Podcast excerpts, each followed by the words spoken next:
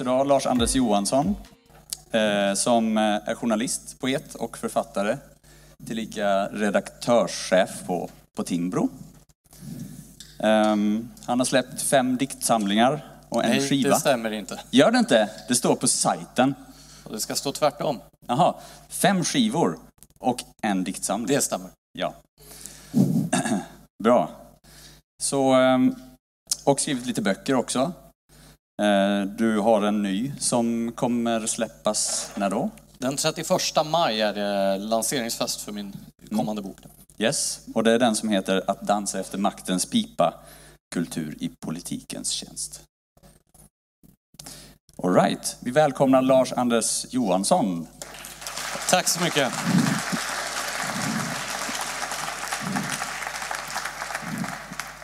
Jag är hemskt ledsen att jag har missat det tidigare programmet under dagen. Det har sett fantastiskt ut. Men jag är väldigt positivt överraskad att det finns så många frihetligt sinnade människor kvar i Sverige.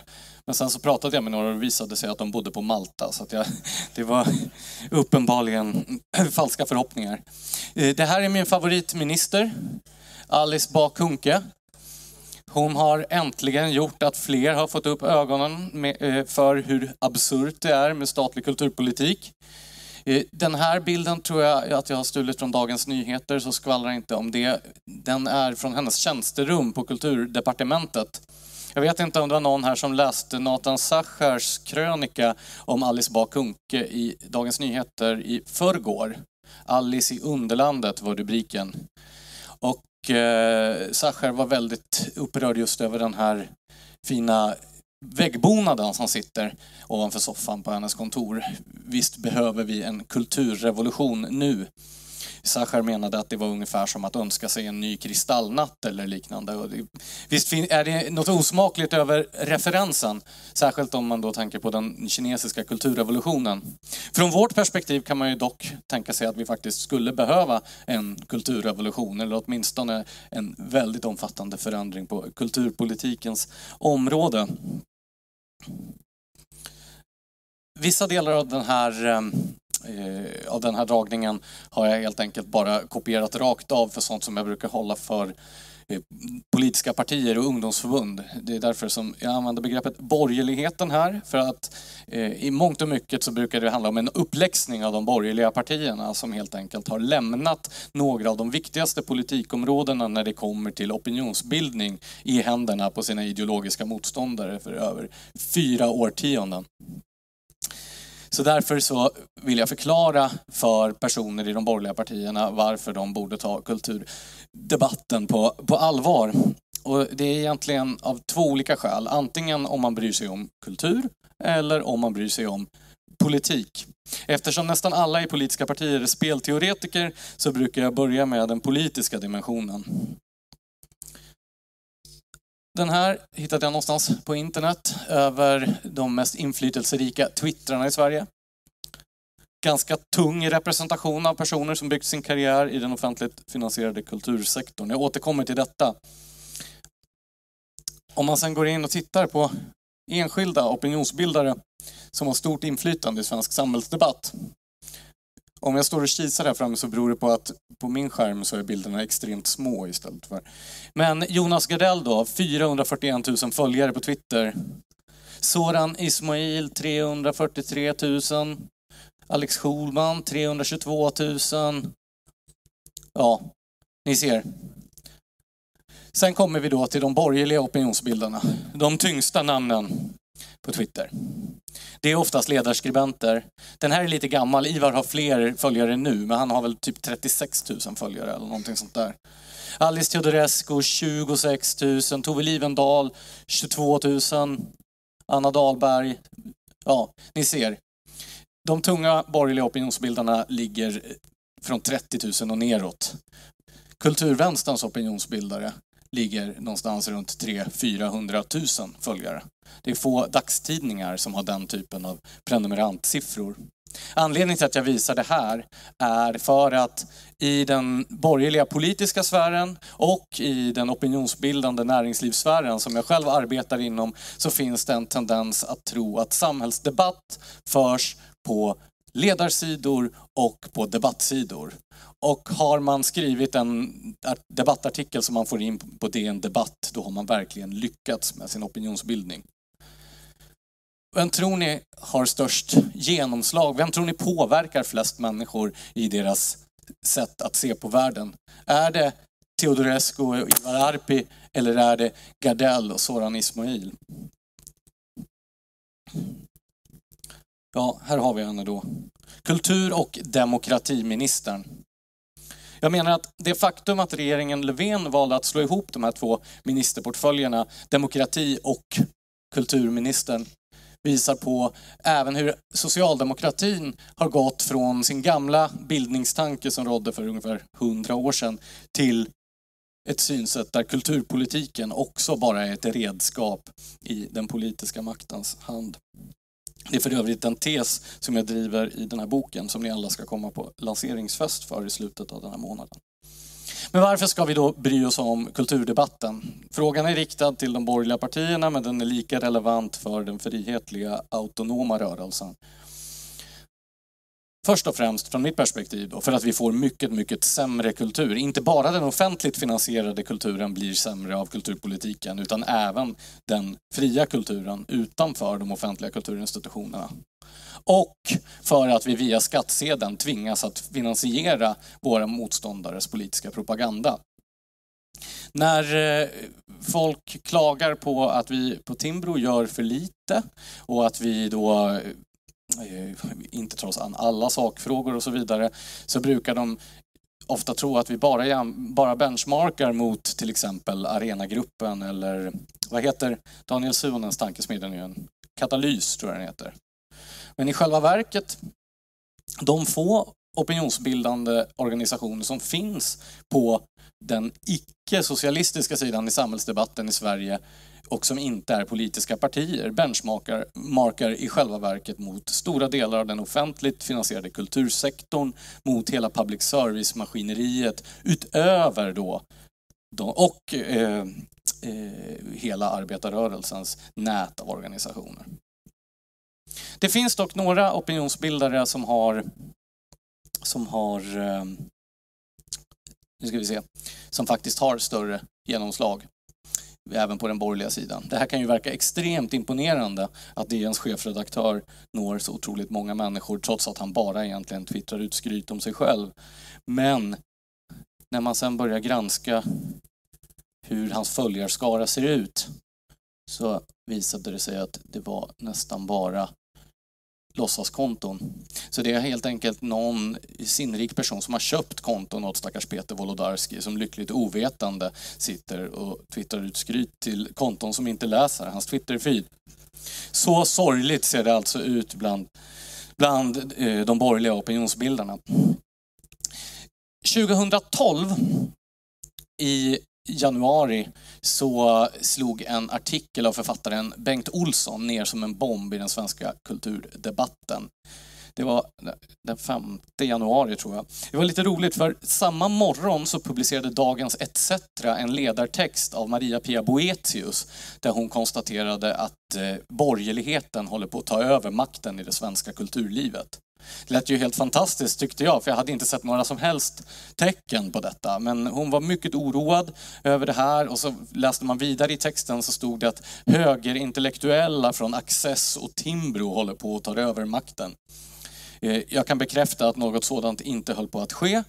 Men Däremot så jämförde hon då de här högerintellektuella, det här, det här maktövertagandet med de eh, nazistiska kollaboratörerna under andra världskriget som då samarbetade med, med fienden. Och som då en bekräftelse på hennes tes, så samma dag publicerade DN den här fem helsidor långa artikeln av Bengt Olsson. Som, och kulturlivet började rasa. För i den här artikeln som eh, hade rubriken När ska det röda rinna av kulturens fana? Så ställde Bengt Olsson frågan Måste kulturen vara vänster? Ja, röd då, göd då det rungande svaret på hela kulturvänsterns Twitter-feeds. Det var nämligen så att Bengt Olsson hade ju inte tagit politisk ställning egentligen i den här artikeln. Han ifrågasatte den åsiktslikriktning som råder inom kulturetablissemanget i Sverige och vid kulturinstitutionerna. Han deklarerade inte någon egen ståndpunkt eller position. Men det räckte då för att en känd dokumentärfilmare skulle eh, skriva på Twitter att Bengt Olsson ska inte bara lämna vänstern, han ska lämna kulturen. Eh, kulturchefen på Arbetarbladet i Gävle twittrade ut då att Bengt Olsson var en marionett i regeringen Reinfeldts händer och så vidare. Det var själva tonläget. Men det som ändå hände då var att det blev, det blev en debatt hela våren 2012 faktiskt, en debatt om just åsiktslikriktningen i det svenska kulturlivet. Och jag då som sedan något år tidigare hade stuckit ut hakan som verksam i kulturlivet med inopportuna åsikter märkte att det blev lite högre i tak. Det blev lite lättare att framföra andra ståndpunkter. Man kunde bli inbjuden till paneldiskussioner där, eh, som, eh, inte bara som ett avskräckande exempel eller som ett alibi utan för att folk faktiskt var intresserade av att höra vad man hade att säga. Det blev också en rätt intressant diskussion, jag vet inte om ni minns det, om klasshat som fördes i eh, Dagens Nyheters kulturdel efter att Eh, poeten Johan Jönsson hade skrivit en rätt osmaklig diktsvit som Jens Liljestrand rasade mot. Det blev i alla fall möjligt att ifrågasätta den här vänsterdominansen under ett kort kort ögonblick. Det här har ju, det lilla fönster som eventuellt öppnades då har ju stängts emellertid. Det här är för två år ja men det var i samband med valet 2014 så gjorde Kartellen, om ni minns dessa, eh, en musikvideo där de då uppträdde tillsammans med representanter för den revolutionära fronten, alltså den organiserade våldsvänstern i Sverige. Det här uppmärksammades bland annat av journalisten Janne Josefsson i Uppdrag granskning. Han gjorde en serie Eh, granskningar av extremistgrupper. Ett, av, eh, ett program om naziströrelsen i Sverige och ett program om den autonoma vänstern. Eh, där förekom då bland annat den här, eh, den här musikvideon. De använde autentiskt bildmaterial i sin musikvideo också från när Revolutionära frontens aktivister var hemma och slog sönder dörren hemma hos folk och, och hotade människor. Detta att Janne Josefsson hade mage att kritisera överlappningen mellan en uppburen musikgrupp som Kartellen och då Revolutionära fronten fick stora delar av det svenska kulturlivet att rasa. Eh, Eh, Ametist Azordegan, som är programledare i P3, hon tyckte att Jan Josefsson lika gärna kunde gå ut öppet med att han var nazist eftersom han hade gjort den här granskningen. Ganska magstarkt påstående som Josefsson av förklarliga skäl reagerade mot. Men då ryckte då stora delar av kulturlivet, bland annat kulturjournalisten Jan Gradvall som skriver i Dagens Industri. Han ryckte ut och gav Azordegan rätt i den här debatten. I samma veva så kunde vi då se Kartellen uppträda på Grammisgalan.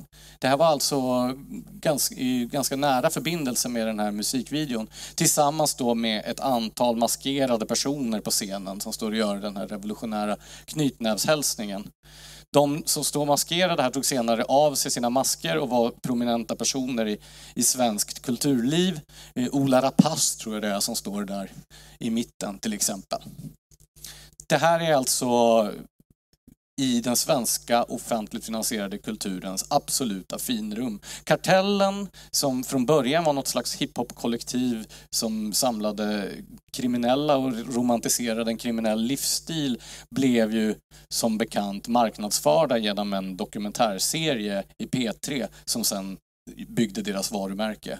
Därefter så intog de sina politiska ståndpunkter. Så, hur kunde det då bli på det här sättet?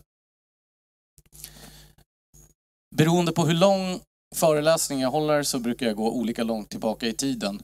Eh, jag brukar föredra att gå tillbaka till de gamla grekerna för då får jag visa häftiga bilder ur filmen 300. Det tycker jag alltid är givande. Men nu tänkte jag att vi börjar 1968 ett favoritårtal i den här församlingen, förstår jag. Hur som helst, under, fram till och med 60-talet så hade det rått en slags samsyn i, i kulturfrågorna mellan borgerligheten och socialdemokratin. Man hade olika syn på hur politiken skulle bedrivas naturligtvis, men man menade att det var ändå viktigt att den enskilde medborgarens bildning och förkovran stod i centrum. Tage Erlander skriver någonstans i sina dagböcker från 60-talet att han menade att det politiska projektet som socialdemokratin hade bedrivit var färdigt någonstans där. Att nu var det upp till svenskarna själva att göra det bästa av de förutsättningar som man hade givit dem. Det var inte riktigt så som hans efterträdare resonerade. Någonstans i mitten på 60-talet så började det inom både LO och inom socialdemokratin födas en idé om att man skulle kunna driva det här projektet längre. Att man också skulle kunna förbättra medborgarnas liv i detalj, deras livsstil, deras kulturvanor och så vidare. Parallellt med detta så uppstod en radikal vänsterrörelse kring demonstrationerna mot Vietnamkriget det som brukar kallas 68-vänstern senare då. Och den engagerade kultursektorn i stor utsträckning. Den här bilden är från någonstans i slutet på 60-talet i Stockholm på, på första maj. Inom både den radikala kulturvänstern och inom radikala kretsar i socialdemokratin så hade man börjat intressera sig för andra delar av det socialistiska tankegodset än det som hade dominerat i öststaterna. Här har vi två stycken nyckelgestalter. Är det någon som känner igen dessa fagra herrar? Till vänster ser vi Antonio Gramsci, en eh, italiensk 20-talsmarxist som blev på modet eh, i radikala kretsar på 60-talet när man letade efter alternativ då till öststatssocialismen. Man kan säga att Gramsci ställde den marxistiska teorin på huvudet i och med att han menade att kulturen i ett samhälle var inte en direkt konsekvens av de ekonomiska förhållandena, av produktionsförhållandena. Utan tvärtom, om man skulle kunna förändra det politiska systemet, om man skulle kunna förändra det ekonomiska systemet i ett samhälle så måste man först få kontroll över människors tänkande. och för att få kontroll över hur människor tänker så måste man ta över de institutioner som påverkar tänkandet. Det var alltså inte en politisk och ekonomisk revolution som skulle komma först, utan det var en revolution inom ramen för de befintliga institutionerna. Man skulle ta över kyrkan, universiteten, skolväsendet, kulturlivet och massmedia. Det här blev populärt inom då den här 68-vänstern. Den högra mannen är den västtyske studentledaren Rudi Dutschke som populariserade Gramscis idéer och som under 68 just reste runt i Västeuropa vid universiteten och förklarade Gramscis budskap. Han var även då i Stockholm våren 68. Och 68 var också det år när Socialdemokraterna bestämde sig för att en gång för alla avskaffa det traditionella bildningsuniversitetet och införa högskole, ett högskolesystem som utgick från effektivitet och arbetsmarknadens föreställda framtida behov.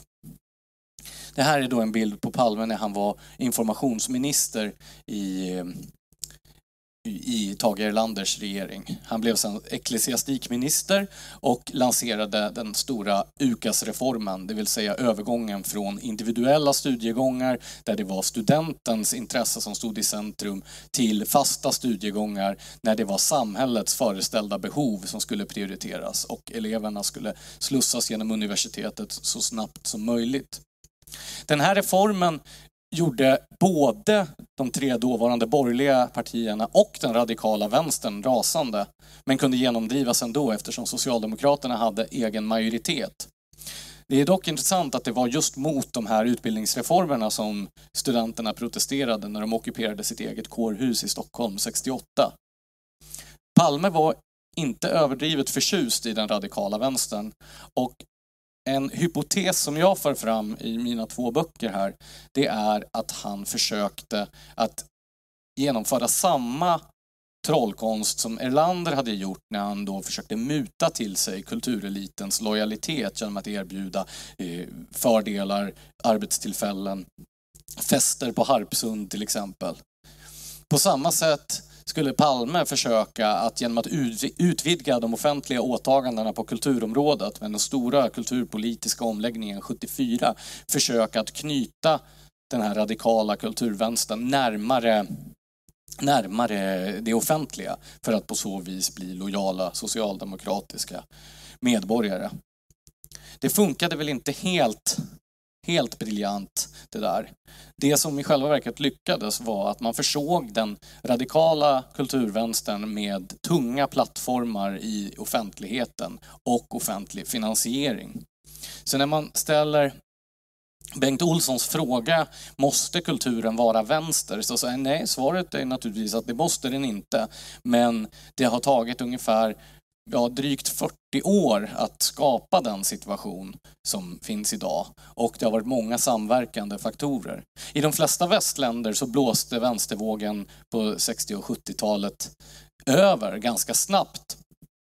Men i Sverige så institutionaliserades den. Det som är intressant också, det är att den alternativa vänstern byggde upp ett helt eget ekosystem från någonstans i mitten på 60-talet. Det som vi brukar kalla progrörelsen med alternativa festivaler Eh, och egna skivbolag och så vidare. Egentligen kan man säga att förutom att budskapet som fördes ut var väldigt socialistiskt så var det ju en libertariansk dröm eftersom det finansierades med privata medel helt och hållet. Men det, det, var musiknätet Vaxholm till exempel som finansierades med ett jättestort arv som en av grundarna hade fått och sen då försäljnings och publikintäkter från festivaler och, och skivförsäljning. Men den här rörelsen dog ut 1975 som över en natt. Som av en händelse precis när den nya kulturpolitiken från 74 hade börjat implementeras. För det behövdes ingen alternativ rörelse längre när man kunde få både jobb och försörjning inom den offentliga kultursektorn. Sen så går jag, nu får jag nästan skynda mig framåt här. Men den svenska kulturpolitiken har haft en totalitär sida ja, sen slutet på 1700-talet. Man kan hävda ända sedan 1500-talet egentligen. Men skillnaden i synsätt var ändå att till och med Gustav III som införde envälde i Sverige och som grundade en rad av de institutioner som var viktigast i svenskt kulturliv fram till och med 74. Till och med han förstod värdet av att makten höll sig på avstånd från kulturens innehåll. Till exempel i form av de kungliga akademierna och så vidare. Under 1800-talet så demokratiserades kulturlivet i större utsträckning. Och det skedde på grund av det ökade välståndet i privat sektor. Den stora kulturfinansieringen under sent 1800-tal och fram till 30-talet kom från privata finansiärer, industrialisterna. Det här är från Ernst Thiels villa ute på Djurgården.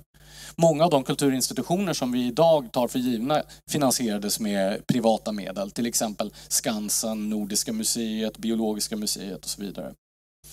Men när Socialdemokraterna tog över på 30-talet så ville man centralisera detta. Jag brukar nämna Arthur Engberg för de borgerliga partierna just eftersom det i kulturdebatten ofta framförs från vänsterhåll att den här offentliga, den offentliga inblandningen i kulturlivet är oerhört viktig för att säkerställa demokratin och alla människors lika värde och ja, ni känner till alla de här slagorden. Det som Arthur Engberg inspirerades av när han drog upp riktlinjerna för 30-talets kulturpolitik kom dock från ett helt annat håll. Det var Josef Goebbels Reichs kulturkammer som kalkerades rakt av eftersom man då på 30-talet tyckte att det skedde så många spännande politiska experiment både i Tyskland och i Sovjetunionen. Och som jag också påpekar i min bok, det är inte i de friaste, mest demokratiska samhällena där man bedriver den mest offensiva kulturpolitiken. Det är i de mest ofria, odemokratiska samhällena. Men ändå så lyckas man inom då den radikala vänstern få det till att den här offensiva kulturpolitiken är en förutsättning för demokrati. Borgerligheten gjorde egentligen aldrig något särskilt högljutt motstånd mot den successiva centralisering som skedde av svenskt kulturliv och dess finansiering från 30-talet och fram till 70-talet. Och min teori är att eftersom man delade synsätt på kulturen, det var ett slags kulturkonservativ grundsyn som dominerade både inom socialdemokratin och inom dåtidens borgerlighet, så tyckte man att nej, men det gjorde väl inte så mycket att kontrollen och makten över kulturlivet överfördes från privat till offentlig sektor eftersom vi har ju ändå samma uppfattning om det kulturella innehållet. Det dröjde fram till 70-talet innan det skulle visa sig hur förödande det i själva verket är att samla all makt över kulturlivet. Ja, inte all makt, det finns ju naturligtvis kultur fortfarande utanför offentlig sektor. Men att centralisera kulturlivet på det sättet. Det hade inte varit möjligt för Olof Palme att genomdriva den kulturradikala politik som skedde på 70-talet om det inte hade varit för att det var en sån massiv centralisering. Motsvarande saknades i många andra västländer och därför så dröjde det mycket längre innan deras kulturliv blev så politiserat. Storbritannien till exempel hade en mycket mer livaktig privat finansiering av kulturlivet, till exempel. Så var är vi då någonstans idag? Det här är Mattias Alkberg. Han är en musiker och poet och opinionsbildare uppifrån Umeå. Jag tycker att han är ett utmärkt exempel på hur den offentliga svenska kultursektorn fungerar. Mattias Alkberg är en musiker som både i egenskap av att vara frontman i The Bear Quartet och som soloartist uppbär offentligt stöd från Statens kulturråd. I princip alla hans produktioner har fått stöd från Statens kulturråd. Det är inget konstigt i det. Många små genrer är numera eh, helt beroende av det här stödet eftersom konkurrensen har slagits ut för att det finns en offensiv kulturpolitik. Hur som helst, det som gör Mattias Alkberg intressant är att han också sitter som tung kulturbyråkrat i den arbetsgrupp som bestämmer vilka artister som ska få stöd från Statens kulturråd. Och när jag har frågat Kulturrådet om hur man hanterar den här uppenbara jävsituationen med personer som år efter år får bidrag från samma instans som de själva beslutar över, så svarar de att nej men det här är inget problem. Personen som vars verk avhandlas i gruppen får gå ut ur rummet så länge. Då så. Men Mattias Alkberg är ännu driftigare än så. Han är också en recensent och smakdomare som skriver recensioner av de eh, saker som ges ut med hjälp av stöd från Statens kulturråd. Så han bestämmer först vem som ska få ge ut sina verk och sen så kan han sitta och hissa eller dissa dem på de stora kultursidorna. Men han nöjer sig inte med det. Han är också en politisk opinionsbildare som opinionsbildar för att man ska öka det offentliga stödet till kulturlivet. Och det här är ganska symptomatiskt. Det är en liten grupp människor som sitter på samma eller på alla maktpositionerna eller eh, byter stolar med varandra och nästan alla känner varandra. Som kontrast kan man ta en annan norrlänning, Ronny Eriksson som är frontman i eh, Euskifeurat uppifrån Piteå. Han är glödande kommunist, eller var i alla fall tidigare, men berättade i en paneldiskussion jag deltog i att Euskifeurat ansöker inte om något offentligt stöd eftersom de menar att det är emot deras ideologiska principer att ta arbetarnas pengar och lägga på sånt som kultur som bättre kan bära sig på marknadens villkor. Så resonerade då inte Mattias Alkberg.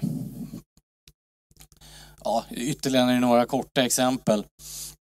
Man, tänk, man funderar ju vad det är för typ av länder där det regerande partiet går ut i sina officiella kanaler och uppmanar medborgarna att rösta i populärmusikaliska tävlingar på artister av, av eh, politiska skäl. Berang Miri är för övrigt en väldigt intressant figur för att han, han tog ju sig fram som någon slags eh, hiphop-alibi på olika såna här eh, i olika paneldiskussioner och kunde tack vare det sen i efterhand bygga en musikkarriär. Han blev på väldigt lösa grunder verksamhetschef för ungdomsverksamheten på Kulturhuset i Stockholm men fick sparken efter mycket kort tid sedan han gick ut och deklarerade att han skulle börja censurera barn och ungdomslitteraturen utifrån politiska skäl. Eh, framförallt var det ju Tintin som lyftes fram som exempel på den skadliga litteratur som skulle hållas undan de unga. Men det är inget problem om man tillhör den här klicken personer av att få sparken för att man trampar i klaveret. Snarare tvärtom. Eh, Berang Miri fångades omedelbart upp då av Aftonbladet TV som gjorde honom till programledare samt ABF som lanserade, hårdlanserade honom som eh, Melodifestivalkandidat. Numera så arbetar han som något slags eh, mångfaldskonsult och barnprogramledare inom Sveriges Television apropå detta med hur man hoppar runt på olika maktpositioner. Här kan vi se en eh, karta över det svenska kulturlivet. Det är ehm, rätt många eh, kända artister som deltog på den här valskivan. Kan ni komma på några som skulle ställa upp på en eh, sådan för Folkpartiet eller Moderaterna eller så? I samma kategori. Man pratar fortfarande om stackars Wille Crawford som att han skulle vara Moderaternas husartist för att han gjorde den där vallåten. Han har mig vetligt inte gjort något politiskt sedan dess. Jo, han berättar att han hade innan den där vallåten 2010 eh, så hade han ju gjort någonting för Vänsterpartiet faktiskt. Det är det dock ingen som kommer ihåg. Hur upprätthålls den här hegemonin? Ja, men det, det är ganska sinnrikt nämligen. Om man blir för obekväm i samhällsdebatten, då finns det starka krafter som kan mobilisera. Kava Solfagari, som numera jobbar som kommunikatör på fackförbundet Kommunal, han blev något slags kändis för att han startade en Facebookgrupp som heter Vita kränkta män som i korthet går ut på att man postar saker som människor med andra uppfattningar än en själv har sagt i offentligheten och sen så går man in och hånar de här personerna. Den som de hånade mest av allt var debattören... Förlåt? Den som man hånade mest av allt var eh, debattören Per Ström som hade tagit ställning mot radikalfeminism och genusteori och så vidare. Det retade gallfeber på många opinionsbildare i Sverige och inte minst i den här Facebookgruppen var han en återkommande måltavla. Det hela mynnade ut i en teaterpjäs som sattes upp på Teater Brunnsgatan 4, det vill säga Kristina Lunds gamla teater, som numera har ärvts av hennes dotter Martina Montelius, apropå hur det funkar i svenskt kulturliv. Där då eh, Lo Kauppi gestaltade Per Ström i en slags lyteskomisk tappning som skulle gå ut på att visa hur dum och ful och löjlig han är. Den här föreställningen drog fulla hus och det hela resulterade i att Per Ström gick ut och deklarerade att han inte längre tänkte delta i samhällsdebatten. Det blev helt enkelt för mycket. Och jag tror inte att han har tagit i de frågorna sedan dess. Ja, vad kan man göra istället då? Eftersom jag är lojal mot min arbetsgivare så måste jag naturligtvis citera Sture Eskilsson. Tyvärr så lyckades inte detta. Det här är från 1971 när Arbetsgivarföreningen mobiliserade mot vänstervågen. Men i den gamla promemorian som låg till grund för det som sedermera skulle bli Timbro så som läckte ut till folket i bild, så skrev Sture bland annat då att vidare vore det bra om vi kunde åstadkomma sådana kontakter med den stora och något diffusa skara som går under beteckningen kulturarbetare och som betyder rätt mycket för opinionsbildningen. Någon färdig idé om hur detta ska ske har jag dock inte. Vilket var väldigt synd med tanke på att på de områden där Sture Eskilsson hade färdiga idéer så lyckades opinionsbildningen rätt framgångsrikt. Men kulturlivet är väl den kommandohöjd som fortfarande står ohotad. Själv har jag försökt dra mitt strå till stacken. Eh, det här är faktiskt en artikel i Dagens Nyheter som skrevs 2013 om ett nätverk som jag tog initiativ till för kulturarbetare. Jag hatar det där ordet, men eh, människor som verkar professionellt i kultursektorn och som har icke-socialistiska åsikter. Det samlar allt ifrån knökiga konservativa till libertarianer till socialliberaler. Sådana som inte känner sig hemma i kultur kulturvänstern helt enkelt. Vi hade en rätt stor tillströmning då under våren 2012 när människor fortfarande vågade uttrycka vad de, vad de tyckte och tänkte. Hade även några intressanta infiltrationsförsök faktiskt. Men eh, om ni känner personer som är yrkesverksamma i kultursektorn och som känner sig ganska ensamma för att de till exempel tycker att marknadsekonomi är en bra idé, då kan ni tipsa dem om att ta kontakt med mig. Brukar också ge några handgripliga tips till borgerliga debattörer.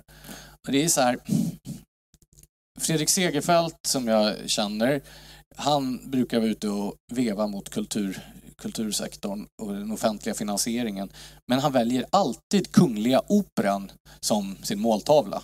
Och det här tycker jag är en tröttsam och slentrianmässig tendens hos ganska många borgerliga debattörer. Och det misslyckas varje gång.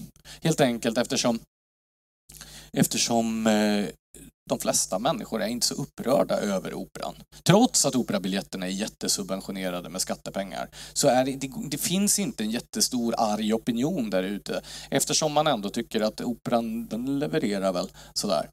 Dessutom så är det ju inte helt säkert att operan skulle försvinna för att den privatiserades. Det finns ju någon slags underlag. Jag räknade på det där och kom fram till att om man inte subventionerade operabiljetterna så skulle de kosta 2000 kronor styck istället för 1000 kronor styck. Jag är inte helt säker på att operan skulle försvinna för att den privatiserades. För hundra år sedan drevs för övrigt Kungliga Operan i privat regi. Staten ägde byggnaden men verksamheten låg på entreprenad. Samma sak med, eh, med Dramaten också för den delen.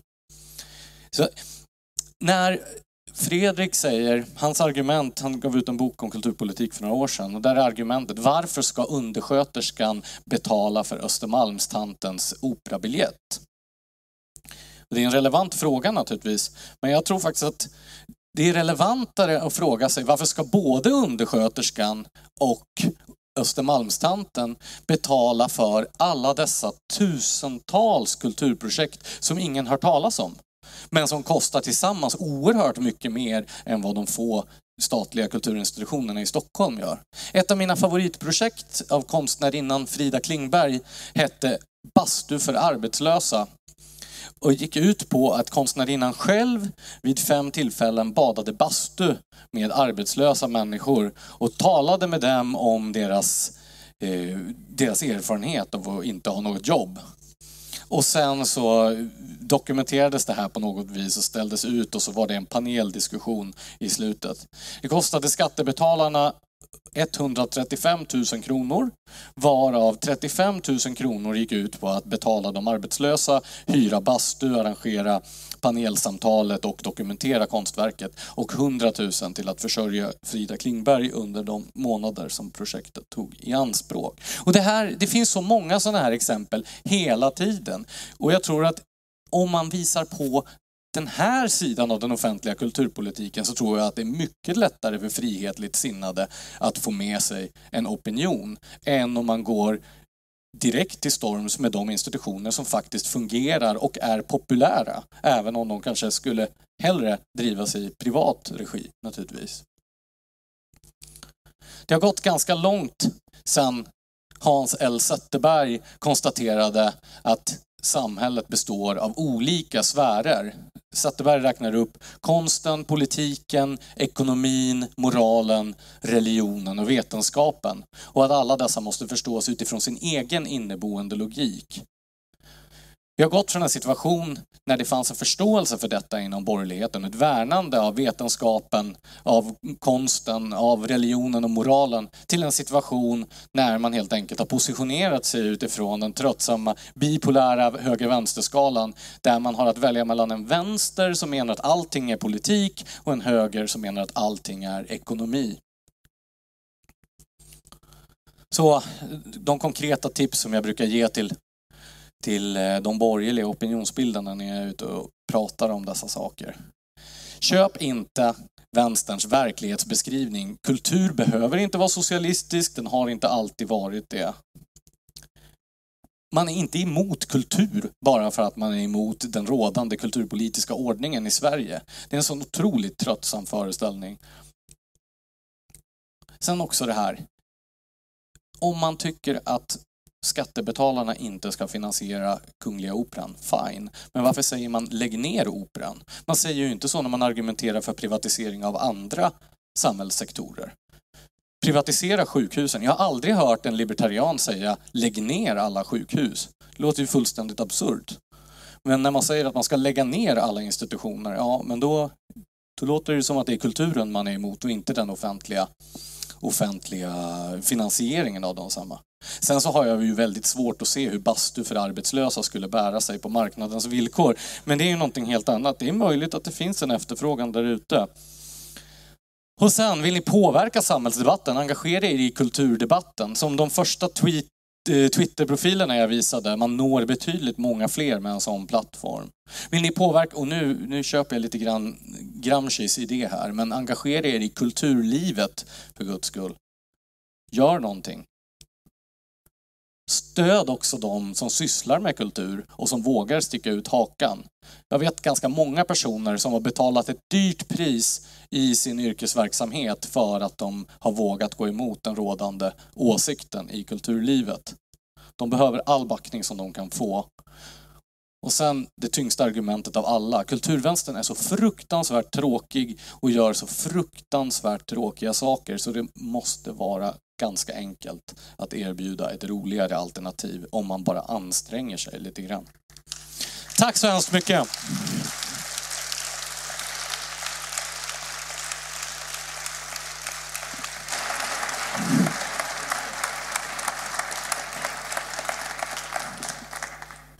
Då ska vi se om vi har några frågor till vår talare där borta. Jag undrar, när du menar att man ska engagera sig i kulturdebatten, skulle du kunna konkretisera det lite mer? Eh, vad det skulle innebära eller? Så om vi koncentrerar oss på den debatt som förs på kultursidor, så om man ska hårdra det har det blivit lite grann som att kultursidor är ett slags ledarsidor fast utan krav på evidens i argumentationen. Att det är känsloargument. Men man kan också säga att det är en annan typ av frågor. Det är frågor som rör verklighetsbeskrivning, det är frågor som rör moral till exempel, som förs i kulturdebatten och som inte lika ofta debatteras på ledarsidor och, och debattsidor. Men det saknas andra perspektiv. Det behövs fler röster som går emot rådande konsensus på, i debatten som förs på kultursidor till exempel.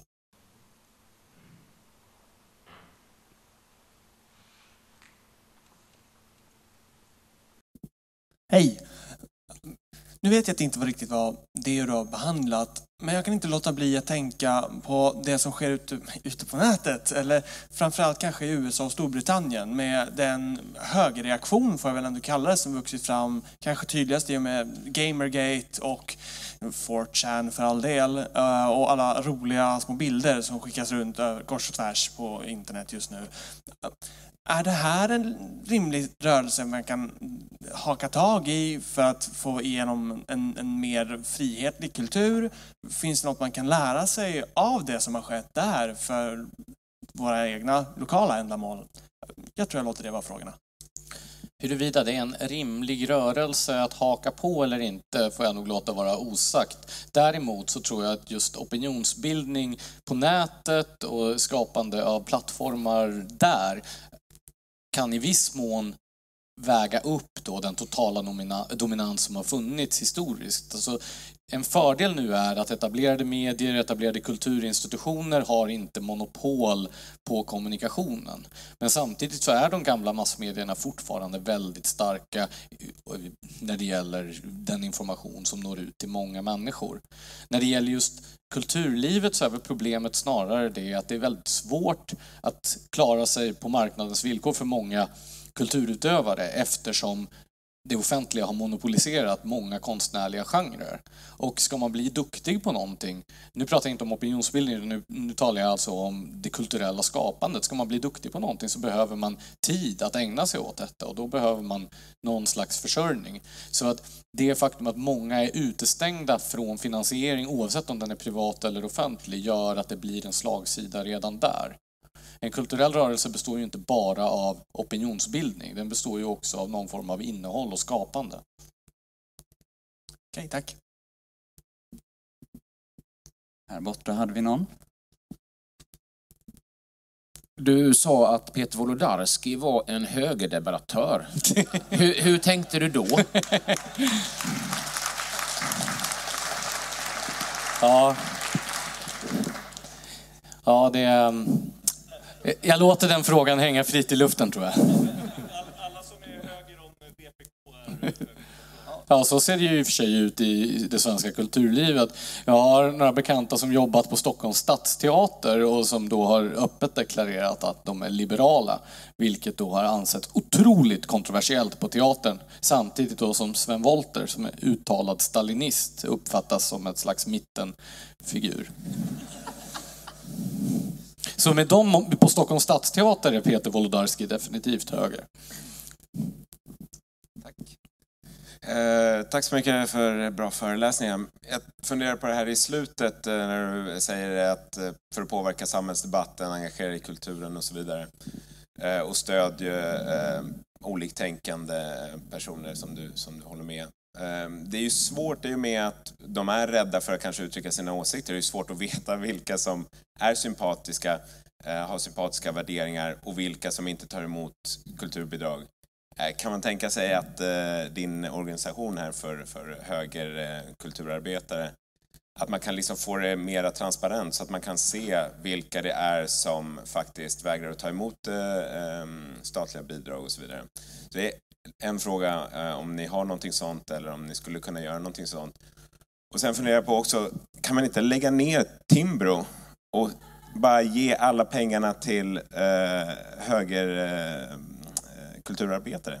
Om det nu är så att det påverkar samhällsdebatten väldigt bra. Vilka ska jag börja med av de frågorna?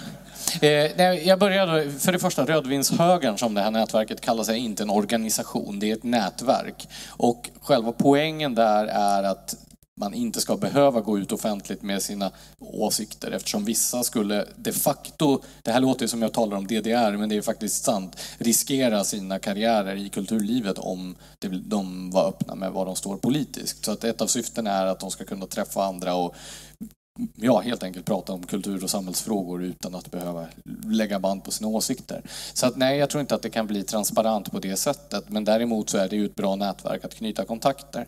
Den andra frågan, ja, man skulle kunna tänka sig att det skulle ha effekt. Däremot så tror jag att det är svårt med tanke på att Timbro ägs av en stiftelse som, skulle, ja, som har en stiftelseurkund. Så. Men ja, det är möjligt att det skulle vara effektivare. Så att,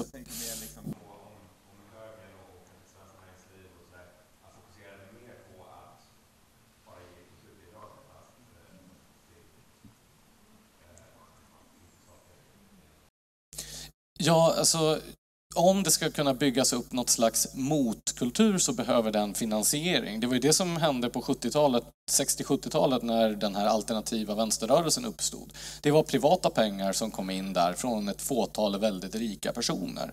Och på samma sätt det kulturliv som fanns i Sverige kring förra sekelskiftet, fram till 30-talet, var ju också privatfinansierat. Däremot så är jag inte säker på att det skulle vara en helt lyckad lösning om pengarna kom just från näringslivsorganisationerna. Jag kan rent av tycka att det är ett problem att så stor del av den borgerliga eller frihetliga opinionsbildningen i Sverige har sin finansiering från samma pott. Det som behövs är ju många olika finansieringskällor, en konkurrens mellan finansieringskällor. Det är därför privat finansiering är bättre. Ska man bara ha en jättestor näringslivsorganisation som bekostar allting, ja men då blir det ju bara något slags spegelbild av hur det ser ut på den andra sidan. Jag skulle gärna se att fler privatpersoner med resurser gick in och engagerade sig i kulturlivet. Tyvärr så kan vi ju se att i den privata sektorn så är många så desillusionerade efter 40 år av vänsterdominans att man snarast vänder sig utanför Sveriges gränser när man vill ta del av kultur. Vilket gör att man helt och hållet lämnar det svenska kulturlivet i händerna på offentlig finansiering och det är tråkigt. En fråga där uppe. Sista frågan. Jo, eftersom eh, kulturen är så pass vänster, eller kultursfären är så pass vänster, så skulle man, man skulle kunna vända på det och säga att eh, de som inte har vänstersympatier, de kanske bara är okultiverade. För att det är så frånstötande för dem att kulturen är så pass vänster. Så om man tänker sig att man skulle vilja ha fler personer som, som går in och kanske deltar i kulturproduktion och i debatten, de kanske behöver bli mer liksom, förstå bättre vad, vad som menas egentligen med kultur överhuvudtaget och liksom, eh, vilka institutioner man kan verka inom för att opinionsbilda. För att det, liksom, det finns en, en diskrepans där som gör att allting blir så otroligt vagt. Vad betyder egentligen kultur? Vad är en kultursida? Vad handlar alla de här sakerna om egentligen? För ärligt talat, om det är frånstötande och vedervärdigt och tråkigt, varför ska man överhuvudtaget engagera sig? Nej, men jag tror inte att, eh, att de som är, inte är vänster är mer okultiverade än de som är vänster. Däremot så är det ett litet kotteri som har monopoliserat de stödsystem som finns, de olika eh, offentliga plattformarna. Alltså in, det är institutionerna som det handlar om. När vi pratar om kultur publiken, de som är intresserade av kultur och de, de, som utövar amatörkultur i Sverige, så tror jag att åsiktsspridningen är, eh, är ganska stor och kanske till och med med borgerlig fördel. Men det här handlar om att i, under 40 års tid så har man rekryterat likasinnade som har rekryterat likasinnade som har rekryterat likasinnade och stängt andra ute. Det är en intressant iakttagelse man kan göra det om man jämför med hur en eh, socialistisk och en liberal kultursida ser ut. Eh, en socialistisk kultursida har ungefär 90% tesdrivande socialistiska skribenter. En liberal kultursida har ungefär 50% tesdrivande socialistiska skribenter. Och det är för att man anser att kultursidan ska spegla hela samhället och ha en bredd och många olika åsikter. Men det gör ju då att det blir ungefär 70 procent av alla skribenter som skriver på kultursidor, om, vi, om det nu hade funnits lika många kultursidor av varje, är tesdrivande socialister. Och det är på det viset, det är mycket svårare om man hävdar att kulturen inte ska vara politisk, att man ska kunna uttrycka individuella uppfattningar, så är det mycket svårare att möta ett gäng som är väldigt organiserad och som använder sin kulturella plattform för att driva en agenda. Det är på samma sätt när en ganska liten men hårdför grupp studentradikaler tog över Svenska kyrkan under precis samma period. Johan Sundén har skrivit en jätteintressant bok om hur Svenska kyrkan politiserades och radikaliserades som ni också borde läsa. När var det? När var det? Under den här perioden också. 60-tal? Från, ja, egentligen från 70-talet och fram till nu. Tack så jättemycket, Lars-Anders Johansson. Tackar.